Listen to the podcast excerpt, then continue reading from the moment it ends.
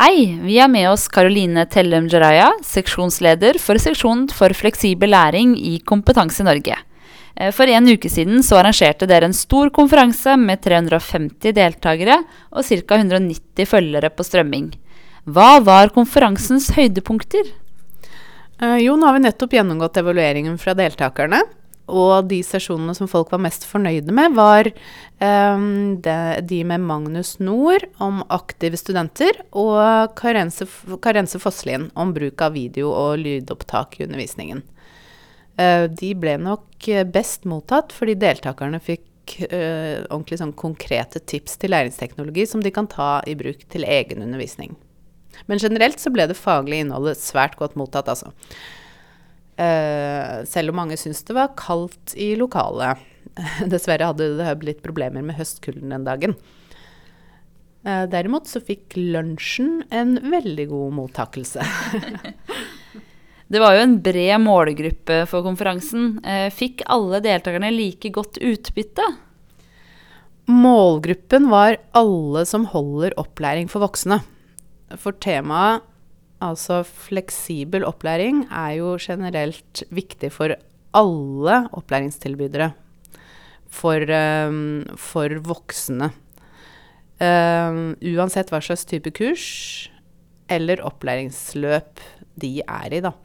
Uh, over 80% har svart i vår evaluering av konferansen at det var relevant for deres daglige arbeid, og at det ga et godt læringsutbytte.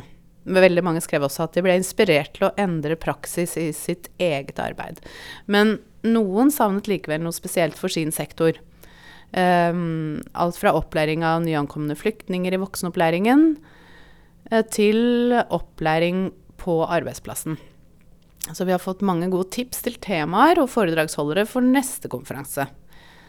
Vi gleder oss til å fortsette arbeidet med å spre kunnskap om fleksibel og nettbasert opplæring. Nevn tre ting du vil at alle som jobber med utdanning skal huske fra konferansen og ta med seg videre i arbeidet sitt. Ja, det kan jeg gjøre. Det ene er at uh, man må huske at voksne ikke har behov for en oppbevaringsplass, men må få mulighet til å delta i opplæring uavhengig av tid og sted. Um, altså en kompetanseheving som er tilpassa deres livssituasjon, som da ofte er med arbeid eller omsorgsoppgaver eller annet.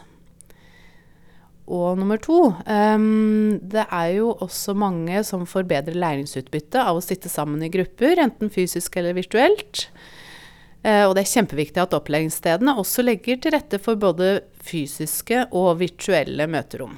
Forskning viser jo at de fleste av oss lærer best i samarbeid med andre. Det tredje jeg vil poengtere, er at fleksibel opplæring ikke er det samme som nettbasert opplæring. Fleksibilitet kan bety forskjellige ting, som f.eks. ulike vurderingsformer. Um, altså at man f.eks. kan ta studiepoeng og ikke, eller at man får uh, vurdering uh, som et diplom, en badge. Um, det kan være at man har små kursmoduler som eventuelt kan settes sammen til større.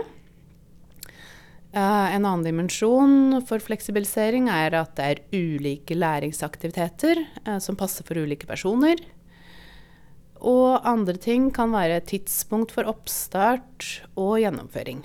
Så nettbasert opplæring er en tilleggsdimensjon. Uh, og det er et godt middel for å tilby fleksibel opplæring. Har du en oppfordring til alle som deltok på konferansen, eller som er interessert i fleksibel og nettbasert opplæring for voksne? Ja, bruk dette kurset for å oppsummere konferansen for kolleger på personalmøter. Um, det er uh, kjempelurt.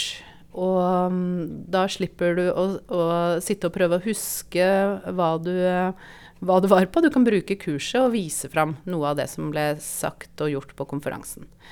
Um, en oppfordring til, som er noe helt annet. Men tenk Netflix. Altså tenk både nettbasert og fleksibelt.